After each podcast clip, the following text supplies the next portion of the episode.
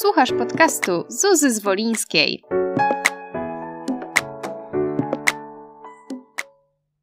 Hej, miło mi Cię witać w kolejnym odcinku Zwolińska Zuza Podcast.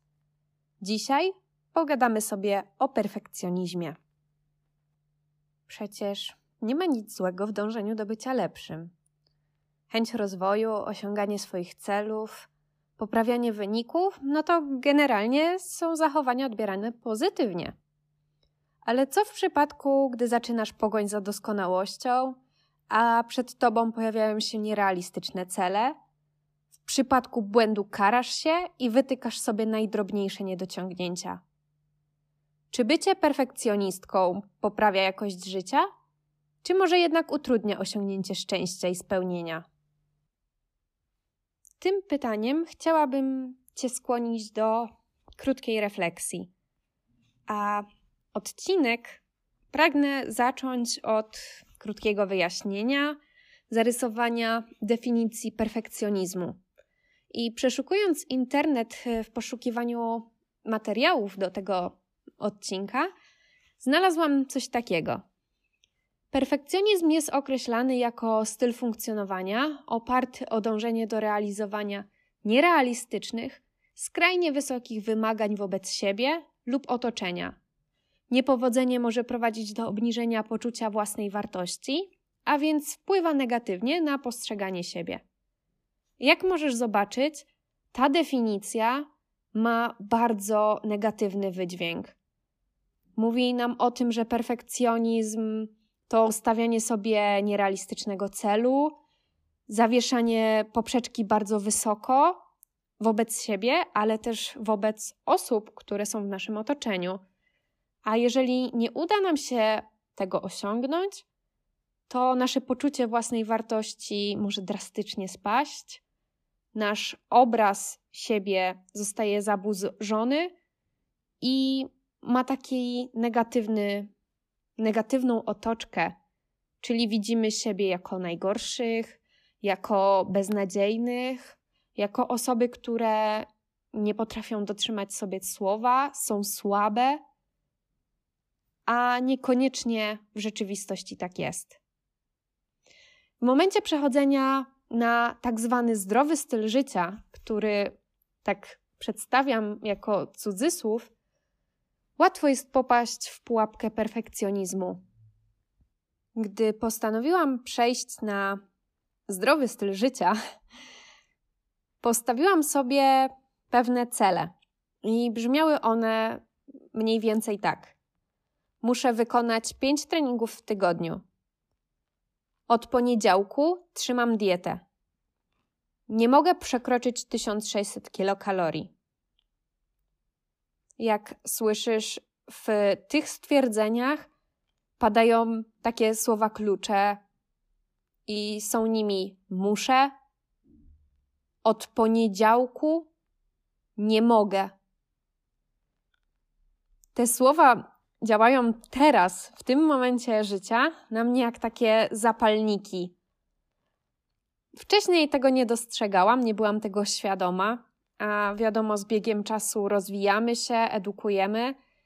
Ja sama wiem, że mm, na takim, z takiej wiedzy, może psychologicznej, mm, z chęci zrozumienia siebie, zrobiłam ogromny postęp i teraz wiem, że używanie słów typu muszę, y, nie mogę, nie należy mi się albo powinnam, to są słowa, które wzbudzają we mnie napięcie.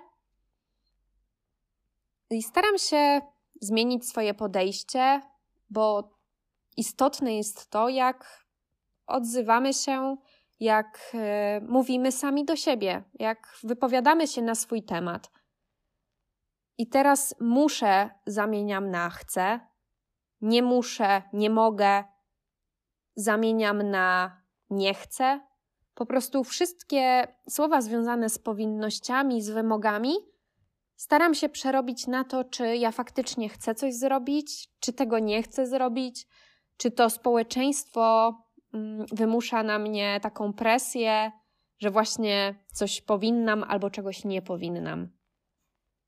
I z tych moich e, postanowień na początku tej mojej drogi do zdrowego stylu życia, oczywiście tylko teoretycznie zdrowego stylu życia, wynikło to, że z czasem zaczęłam unikać spotkań ze znajomymi, bałam się odwiedzać rodzinę.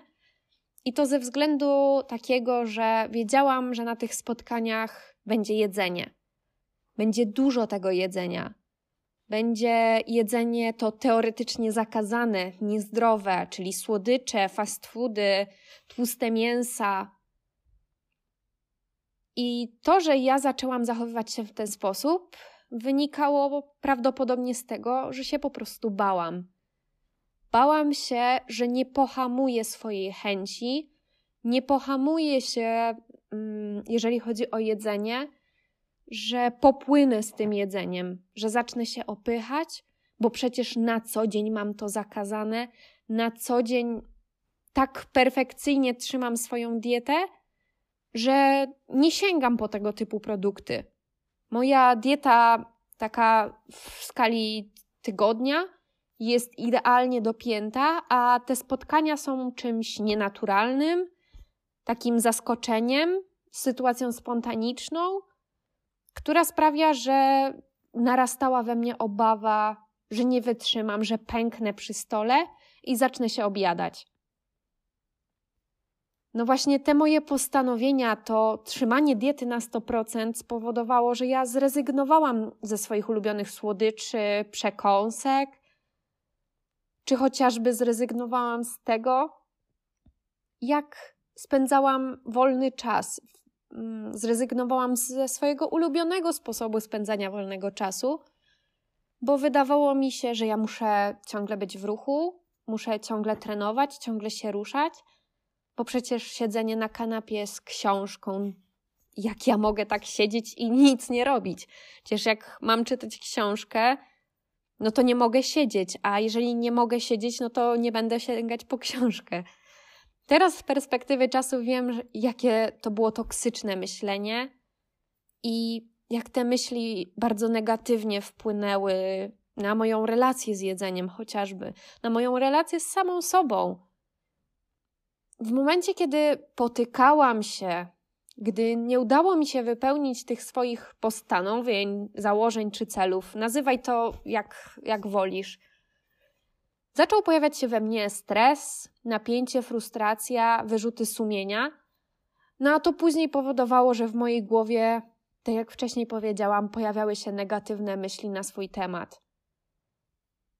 W głowie miałam tylko to, że jestem słaba, jestem beznadziejna, ja nie potrafię dotrzymać danego sobie słowa. Pomijałam w ogóle ten aspekt, jak ja się czułam, czy miałam na coś ochotę, czy nie. Po prostu, jeżeli czegoś nie wykonałam, to byłam słaba. I tak zapętlało się błędne koło. Teoretycznie chciałam zacząć zdrowy tryb życia, chciałam być zdrowa, ale podeszłam do tego w taki nieprawidłowy sposób, tak myślę. Zaczęłam nakładać na siebie restrykcje, ograniczenia, to powodowało wzrost napięcia, stresu. Stres powodował moje obniżenie mojego samopoczucia. Obniżenie mojego samopoczucia powodowało, że nie chciało mi się czegoś robić prawdopodobnie. Jeżeli mi się czegoś nie chciało robić, to nie miałam ochoty się ruszać, na przykład. A jeżeli nie miałam ochoty się ruszać, no to nie wypełniałam swojego celu. No i nie wypełniałam swojego celu, no i znowu jestem słaba, beznadziejna. Znowu dawałam sobie kolejne postanowienie. Od poniedziałku znowu trzymam dietę. I znowu na 100%. Wypadło spontaniczne spotkanie z rodziną. Sięgłam po coś słodkiego, więc no już nie trzymam tej diety. Znowu spadek nastroju i znowu nie chciało mi się czegoś robić. No i jak możesz zauważyć, tworzyło się błędne koło. Perfekcjonizm oczywiście ma swoje plusy i minusy w wielu dziedzinach życia. Osobiście bardzo mi pomógł osiągać takie cele związane ze szkołą, ale jeżeli chodziło o czysto teoretycznie zdrowy styl życia, no to już niekoniecznie był cechą sprzyjającą. W przypadku szkoły zawsze wiedziałam, co mam zrobić. Byłam przygotowana praktycznie na 90 przypadków, na przykład na jakieś niezapowiedziane kartkówki, pytania. Zawsze miałam pracę domową odrobioną. Dzięki temu, że towarzyszył, towarzyszył mi perfekcjonizm w okresie szkolnym, to myślę, że całkiem dobrze radziłam sobie w sporcie szkolnym. I przez to zaczęłam definiować siebie zawsze przez pryzmat właśnie moich osiągnięć szkolnych, ocen, pochwał. A teraz na studiach widzę, że jest zupełnie inaczej. I dopiero teraz dostrzegłam, ile sfer swojego życia zaniedbałam i mam taką bardzo silną potrzebę, żeby się w nich rozwijać, żeby je podciągnąć. I ta perfekcja w kontekście obowiązków szkolnych, mam wrażenie, że zamknęła mi oczy na inne sfery życia, których w tym momencie mi bardzo brakuje. Na przykład przez to, że tak dużo się uczyłam, to nie miałam dużo czasu na rozwijanie swoich pasji, czy chociażby umiejętności nawiązywania kontaktu z innymi ludźmi. Może to brzmi dość tak mm, płytko, ale twierdzę, że mam bardzo duży problem, żeby nawiązać z kimś kontakt i wiem, że muszę na tym po prostu popracować, bo w e, okresie szkolnym skupiałam się tylko i wyłącznie na wynikach i ocenach, a nie za bardzo na tym, żeby korzystać z tego życia towarzyskiego. I broń Boże, nie chcę powiedzieć, że perfekcjonizm jest tylko zły i najgorszy, bo on mi pomógł osiągać bardzo dobre wyniki w szkole, pomógł mi osiągać y, wyniki w sporcie szkolnym, ale z drugiej strony nie zmniejszył poczucia stresu, który był z tym związany, a wręcz nasilał ten stres, bo wymagałam od siebie coraz więcej i więcej i więcej a nie rozumiałam tego, że żeby dać więcej, muszę w pewnym momencie troszeczkę odpocząć. Oczywiście bardzo pomagał mi w mobilizowaniu się do działania, bo jeżeli wiedziałam, że coś nie jest e, skończone tak, jakbym chciała, tak jakbym tego oczekiwała od siebie, to byłam w stanie, mimo zmęczenia, usiąść i coś zrobić. Ale teraz pytanie, czy to, że ja się siadałam do spraw szkolnych, że mm, w momencie, kiedy byłam bardzo zmęczona, no to nasuwa mi się taka refleksja, czy to zmęczenie mi pomagało, czy przeszkadzało. Bo okej, okay, potrafiłam dociągnąć jakiś projekt do końca, ale może jakbym na chwileczkę odpuściła, odpoczęła, to ten projekt byłby wykonany może w może zajęłoby mi to troszkę więcej czasu, potrzebowałabym więcej czasu, żeby go dokończyć, ale może byłby zrobiony lepiej. I jak już powiedziałam wcześniej, ten perfekcjonizm bardzo często wzmagał we mnie stres i napięcie, a dobre wyniki w szkole okupowałam takim swoim zdrowiem psychicznym, no bo jak można mówić o zdrowiu, kiedy ciągle żyje się w stresie, i przełożyło się na to, że mam problem z wypoczywaniem, bo gdy odpoczywam, to mam wyrzuty sumienia, że nic nie robię, a mogłabym tyle rzeczy innych zrobić w tym czasie. No i to jest takie, niby odpoczywasz, ale nie odpoczywasz. A to stałe napięcie obniżało mm, mój nastrój i nie pozwalało się tak naprawdę cieszyć chwilą. I pojawiało się wtedy takie uczucie paraliżu, że nie masz ochoty nic robić, bo tak naprawdę na przykład po całym tygodniu pracy przychodzi niedziela, kiedy możesz faktycznie odpocząć, masz powiedzmy wszystko, chociaż nie chciałabym mówić, że wszystko, to jest chyba zły przykład. Wyobraź sobie, że wszystkie Twoje obowiązki są wykonane tak na 80% i przychodzi niedziela, możesz sobie odpocząć, No jednak 80% to jest całkiem spoko. A w Twojej głowie pojawia się myśl, że no przecież 80% to nie jest 100%. Jak Ty możesz odpoczywać, jak tyle jeszcze jest do zrobienia? Rusz się i idź zrobić, idź dokończyć coś, albo weź się za coś innego. Myślałam, że wszystko muszę mieć wtedy dopięte na ostatni guzik, a każdy mój trening musiał być zrobiony na maksimum moich możliwości, no bo przecież inaczej się nie liczył. Denerwowałam się, jak miałam problemy z techniką ćwiczeń, no bo technika nie jest idealna, a jak nie jest idealna, no to jak mogę zaliczyć sobie to ćwiczenie? Ostatnio zastanawiałam się, dlaczego nie lubię pilatesu. No, te ćwiczenia nadal wcześniej i, i obecnie sprawiają mi ogromną trudność i nie mogę wykonać ich idealnie. No więc, jeżeli nie mogę czegoś wykonać idealnie, to po co ja w ogóle mam to robić? Bardzo zniechęciłam się do takiej formy ruchu i wiem, może nie w tym momencie mojego życia, bo nie mam teraz takiej potrzeby, ale w przyszłości pewnie chciałabym spróbować podejść do takich ćwiczeń troszeczkę od innej strony. To, że ja nie wykonywałam technicznie idealnie tych ćwiczeń, powodowało, że nie chciało mi się ich robić. Były one dla mnie trudne. Ten trud wzmagał napięcie, a przez mój perfekcjonizm nie miałam ochoty jakby uczestniczyć w procesie nauczania się tej techniki. Ja już teraz w tym momencie chciałam wykonywać ćwiczenie idealnie, mimo że spotykałam się z nim po raz drugi czy trzeci w swoim życiu. No jak powszechnie wiadomo, żeby być w czymś dobrym, żeby coś robić na satysfakcjonującym poziomie, powinno się to robić chyba w miarę często. Niestety ja tego wtedy nie rozumiałam. I teraz omawiam ten temat na przykładzie właśnie treningu chociażby Pilatesu.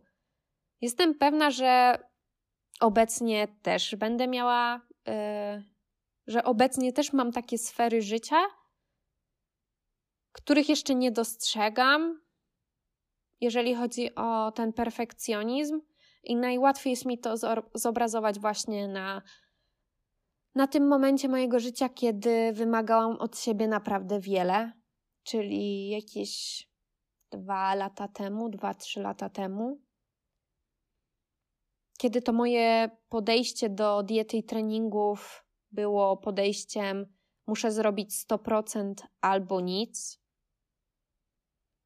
I teraz z perspektywy czasu wiem, że perfekcjonizm mógł przyczynić się do moich zaburzeń odżywiania. Między innymi dlatego, że stres i napięcie, jakie było generowane przez to moje podejście 100% albo nic, zaczęłam rozładowywać za pomocą jedzenia, no bo nie znałam innego sposobu na radzenie sobie właśnie z tym napięciem, z tym stresem. I bardzo często tak jest. Spotykam coraz więcej osób na swojej drodze, które mają podobne doświadczenia jak ja. Że kiedy przychodzi ciężki moment w ich życiu, taki bardzo wymagający pod względem stresu, to zaczynają oni go zajadać, zaczynają sięgać po jedzenie, po to jedzenie, które jest teoretycznie zakazane, po czekoladę, chipsy, batony, bo to daje im chwilę radości, chwilę wytchnienia, no ale po zjedzeniu tego typu produktów później pojawiają się wyrzuty sumienia. I to jest początek do zaburzeń odżywiania się różnego rodzaju, bo tych zaburzeń jest naprawdę wiele. Akurat y, ze swojego doświadczenia wiem coś na temat y, kompulsywnego obiadania się. I w przypadku rozwoju takiego postępowania warto zatrzymać się na chwileczkę i zadać sobie pytanie, czy ja nie mogę tego stresu rozładować w inny sposób to, że ja jestem takim, taką perfekcjonistką, to mi naprawdę pomaga czy przeszkadza?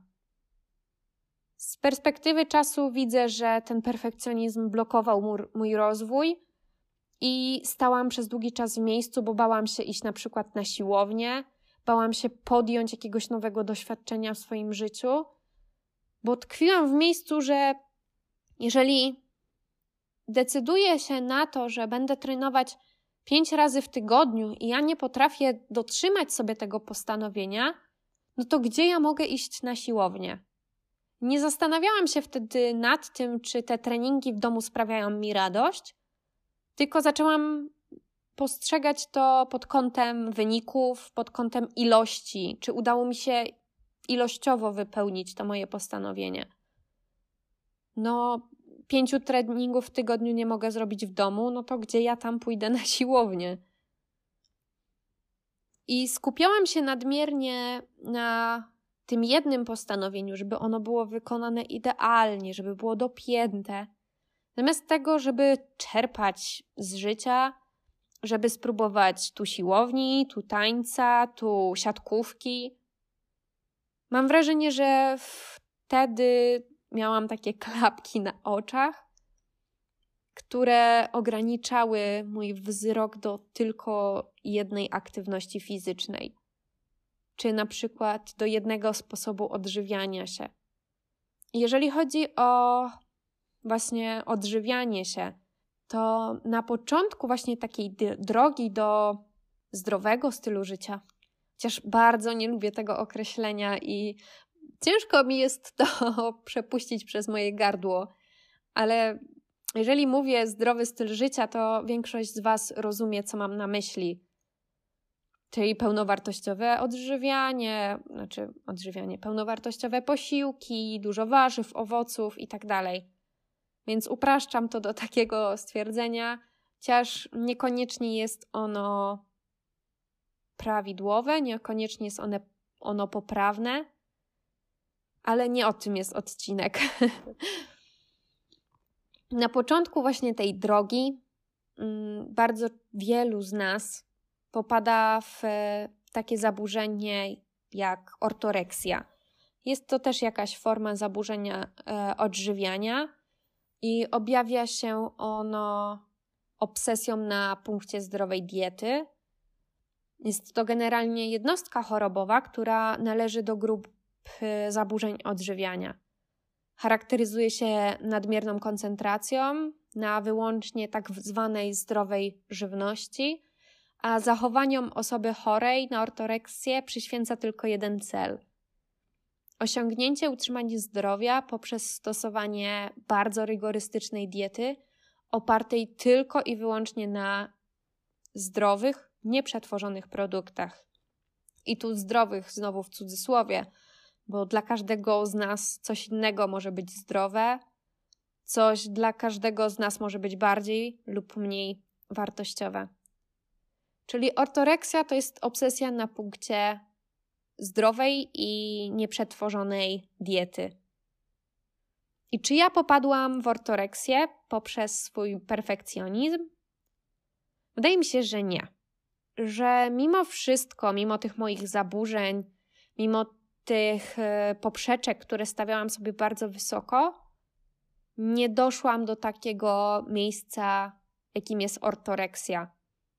Moja dieta w takim najtrudniejszym może momencie mojego życia była dietą bardzo ograniczoną, z dużymi restrykcjami, między innymi takimi, że przestałam jeść całkowicie mięso, byłam wegetarianką. Oczywiście nie chcę, żeby wybrzmiało to, że wegetarianizm jest zły, ale świadome ograniczanie pewnych produktów, bo na przykład zaczynamy się ich bać, albo są one jakimś, e, jakąś drogą wyeliminowania pewnych produktów, żeby, nie wiem, zawęzić sobie produkty, z których możemy korzystać, to nie jest dobra droga, jeżeli chodzi o odżywianie się. Ten wegetarianizm był objawem właśnie moich zaburzeń, i to jest potwierdzone w badaniach naukowych, że Osoby, które zmagają się z zaburzeniami odżywiania, bardzo często decydują się na rezygnację z mięsa, ale może niekoniecznie chodzić tylko i wyłącznie o mięso. Może być to wegetarianizm, weganizm, może być to całkowite wyeliminowanie węglowodanów, na przykład. Chociaż najczęściej przejście na dietę roślinną, z moim zdaniem, jest takim najpowszechniejszym objawem. Osobiście uważam, że perfekcjonizm ma swoje plusy i minusy. Bardzo mi pomógł w okresie szkolnym osiągać świetne wyniki w nauce czy w sporcie. Chociaż z perspektywy czasu widzę, że też założył mi takie pewne klapki na oczy i bardzo ograniczył mnie w wielu sferach mojego życia. I niestety dla mnie perfekcjonizm ma więcej minusów niż plusów. I uzupełnieniem takiej cechy byłaby umiejętność, ja to tak nazwałam sobie, zarządzanie perfekcjonizmem, czyli zrozumienie tego, jak można sprawić albo co robić, by ta cecha była wspierająca, by nie wywoła, wywoływała, przepraszam, w nas e, stresu i napięcia, by nie powodowała wyrzutów sumienia, kiedy odpoczywamy. Bo w innym przypadku taki niedojrzały perfekcjonizm potrafi wyrządzić więcej krzywdy. I wydaje mi się, że ja jestem po tej stronie, że zrobił mi więcej krzywdy niż pożytku. Młodszej sobie chciałabym tylko powiedzieć, że warto nauczyć się pracować nad tą cechą. Warto jest chcieć zrozumieć, jak można z nią pracować, żeby właśnie wspierała nasze działania, wspierała nas, nas samych, a dzięki temu poprawiała nasze samopoczucie, nasze poczucie wartości, poprawiała naszą sprawczość. Bo to, jak my myślimy o sobie, jak się wyrażamy do siebie, chociaż nie wiem, czy to jest prawidłowe sformułowanie, można wyrażać się do siebie?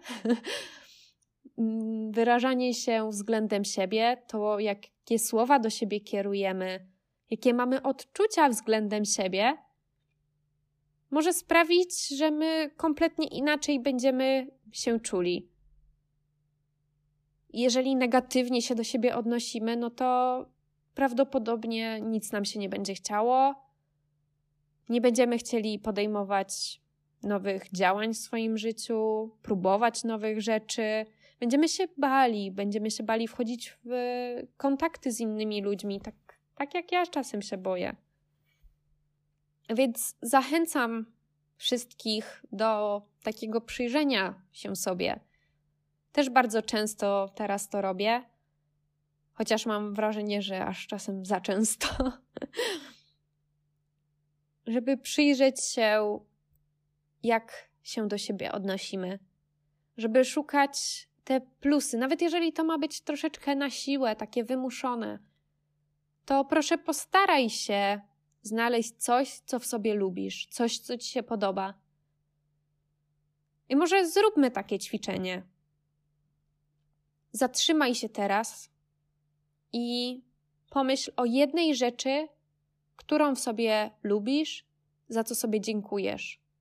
Być może byłaś, byłeś dzisiaj na spacerze, być może zrobiłaś sobie pyszne śniadanie, a może czułaś bądź czułeś zmęczenie i odpuściłaś, bo wiesz, że regeneracja wpłynie korzystnie na Twoje działania. Pozwoli Ci zebrać więcej siły i do swojego zadania podejdziesz z większą kreatywnością, z większą radością.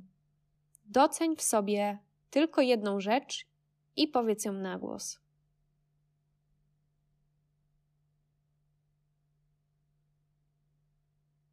A teraz moja kolej. Dziękuję sobie że wróciłam na siłownię i wczoraj zrobiłam pierwszy trening po półtorej miesiąca. Po półtorej czy po półtora? Wybacz mi, nie, nie wiem jaka jest poprawna forma. Doceniam to, że zebrałam się, znalazłam siłę, żeby iść na trening i zrobić go porządnie. Jestem z tego dumna, cieszę się i nie ukrywam, że miałam gorszy czas, kiedy nie chciało mi się trenować. Cieszę się, że ten trening nie był wymuszony. Nie musiałam się zmusić, żeby tam iść, a szłam z czystą przyjemnością. Chciałabym, żeby z tego odcinka płynął pewien morał. Idealnie, perfekcyjnie nie zawsze znaczy lepiej. Czasem zrobione jest lepsze od doskonałego. Nie musisz wymagać od siebie coraz więcej i więcej. Jeżeli nie masz siły, odpocznij. Zmuszanie się i wymuszanie pewnych działań może przynieść więcej negatywnych konsekwencji niż pozytywnych. Oczywiście praca nad e, samokontrolą, praca nad dyscypliną jest czymś świetnym, pozytywnym i jak najbardziej, bo przecież dążenie do bycia lepszym to nie jest zły objaw.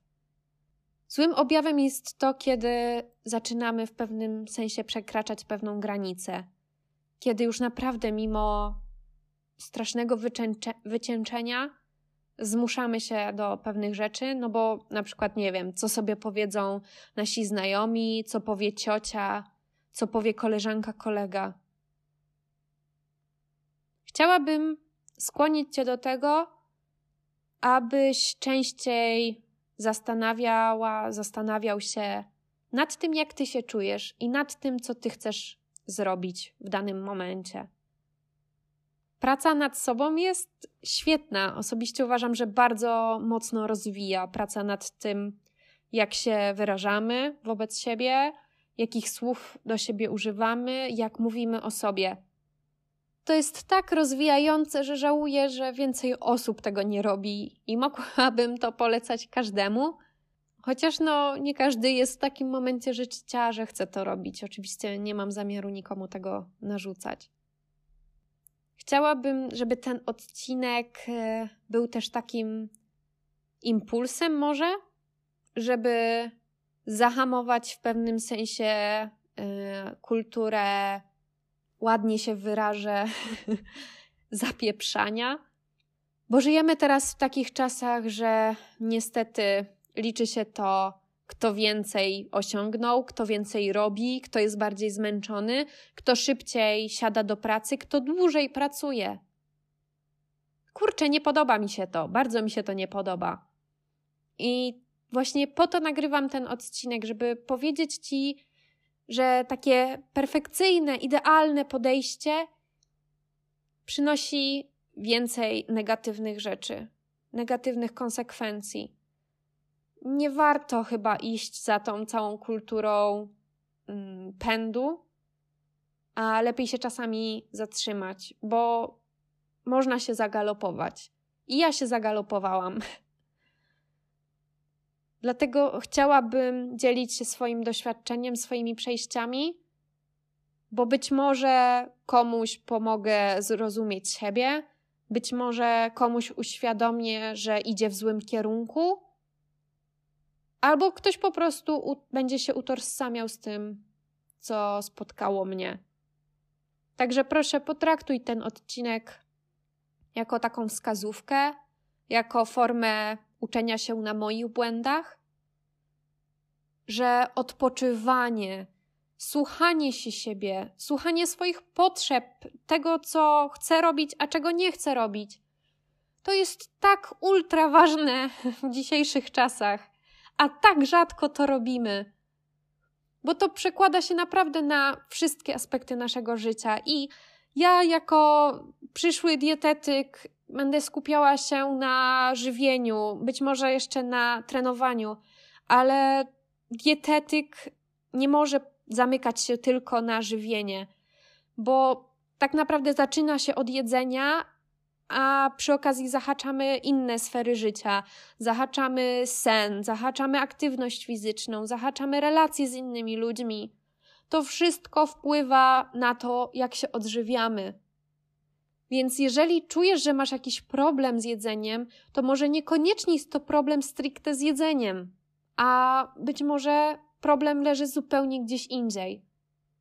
Dlatego tak ważne jest zrozumienie siebie, słuchanie siebie, działanie w zgodzie ze sobą i wycofanie się z podążania za tą kulturą zapieprzania. Nie chcę tu przeklinać i mam nadzieję, że wiesz, co mam na myśli. Mam ogromną nadzieję, że ten odcinek coś wniósł do Twojego życia.